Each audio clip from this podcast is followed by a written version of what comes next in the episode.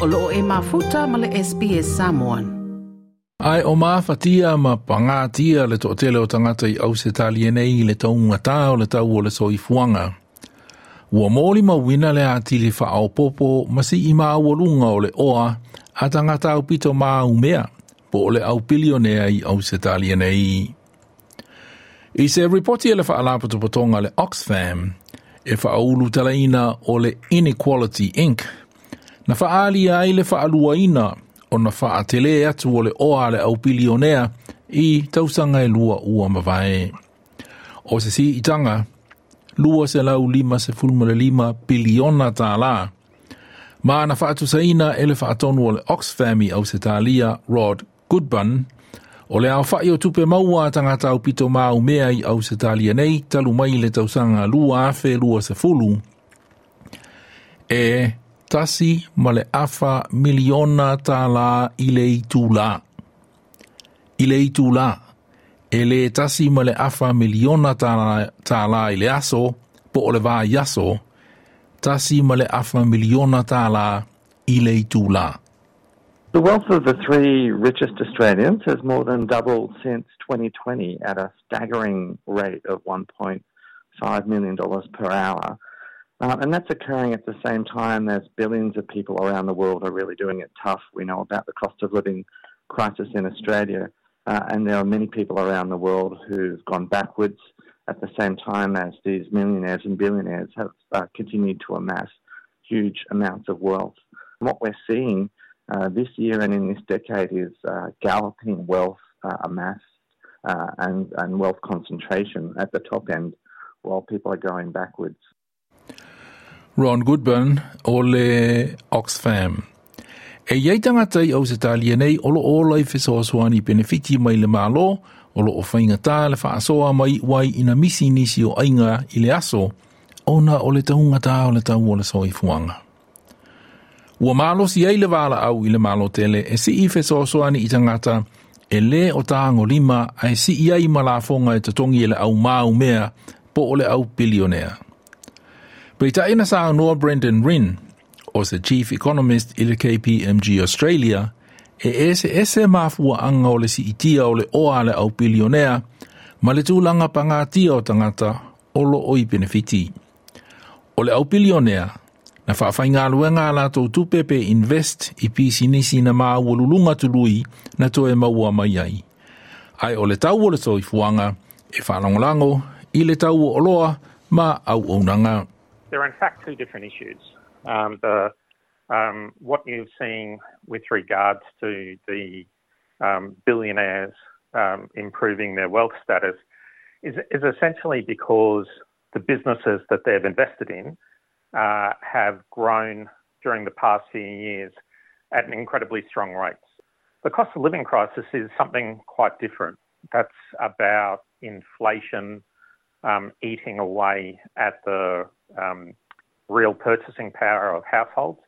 And clearly, what you've seen is that um, for virtually every uh, cohort in Australia, their um, uh, post tax disposable income is less today than it was two years ago. Brendan Rynne, le Chief Economist i KPMG Australia. O lo sila sila le malo tele ini swinga fau i la fonga o nei suinga e sau tua tolu. E amata atu i aiulai o le tausanga nei o na solo ia le manga tolu se fulma le fitu pasene ai tasi le manga tolu se fulu pasene mo totongi i le vao le fas fulma le lima afe la ma le lua se lau afe la i le tausanga. O lona winga, o tangata i lunga te isi atu le o ngā totonu po o le se lau afe la i le tausanga o la tau totongi o le ase fe mai le afe tolu se lau la i a la tau la fonga. O se fuafuanga o lo o whaiti ina Ron Goodburn o le Oxfam, ona e manuia aina o tangata e mawululunga o lātou tutongi. O tangata i le se lau walus fulu afe tāla i le tausanga o lātou tutongi, o le ama whai ona se whemai le iwa afe tāla i a lātou la fonga. Well, statutory tax cuts will really benefit those at the top end the most. We know that people who earn over $180,000 a year will be the, the biggest winners from the stage three tax cuts, they'll get about $9,000 extra. Um, and what that means for the budget in the long term is that uh, we're, we're, giving up um, potentially um, billions of dollars, um, uh, ten, tens and tens of billions of dollars over uh, over the next day, uh, decade through those stage three tax cuts. Ron Goodburn, na ia tonu i le oa le le o la ai si i o ola i benefiti. Taxing big fortunes uh, would definitely help raise additional money. So we argue for a wealth tax for millionaires and billionaires. And if we taxed millionaires and billionaires' wealth at just 2 to 5%, um, we could raise uh, $33 billion a year. And that could go to building 75,000 um, social housing. Uh, it could go to helping fund international development programs that would benefit our region and create a healthy and prosperous uh, region for Australians to grow up in. Ron Goodburn, Ole Oxfam. Peita i se talanoanga ma le ABC, na saunoa le palemia Anthony Albanese, e le o iai se moe moe, e toa le fuafuanga a lana whainga malo i swinga le stage 3 tax i la fonga. I'll make a few points. The first is that the government's position hasn't changed. The second is that uh, inequality is an issue, and the government look, has looked at ways in which we can uh, improve that position. That's why uh, measures such as uh, strengthening Medicare, uh, the measures that we have for cheaper childcare, are all aimed at uh, improving that position. Uh, bear in mind that the stage three tax cuts uh, start at $45,000. $45,000, if that's your annual income, you are certainly not wealthy. Anthony Albanese.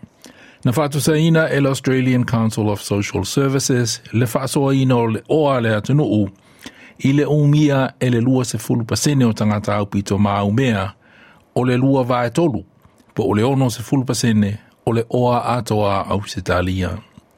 Na sa noa Ron Goodman o le Oxfam, Australia, na o le malo tele ma whai ona suia le tūlanga o tangata mātitiva ma le tāngo lima i le atunuu.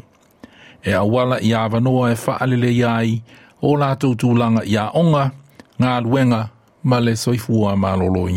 There is a real need for governments to step in uh, and to um, to take greater action to intervene. And one of the ways they can do that is to harness the resources, the wealth, the money that's available um, out there in the system, um, and provide that directly to um, to programs that work uh, to eradicate poverty, to help you know, around health and education issues. So only governments can do this. Ron Goodburn, Ole Oxfam Australia. Ole reporti na whaamau pōpoina e Adriana Weinstock, mole SBS News. Like, share, ma faali sau finangalo, muli muli ile SBS Samoan ile Facebook.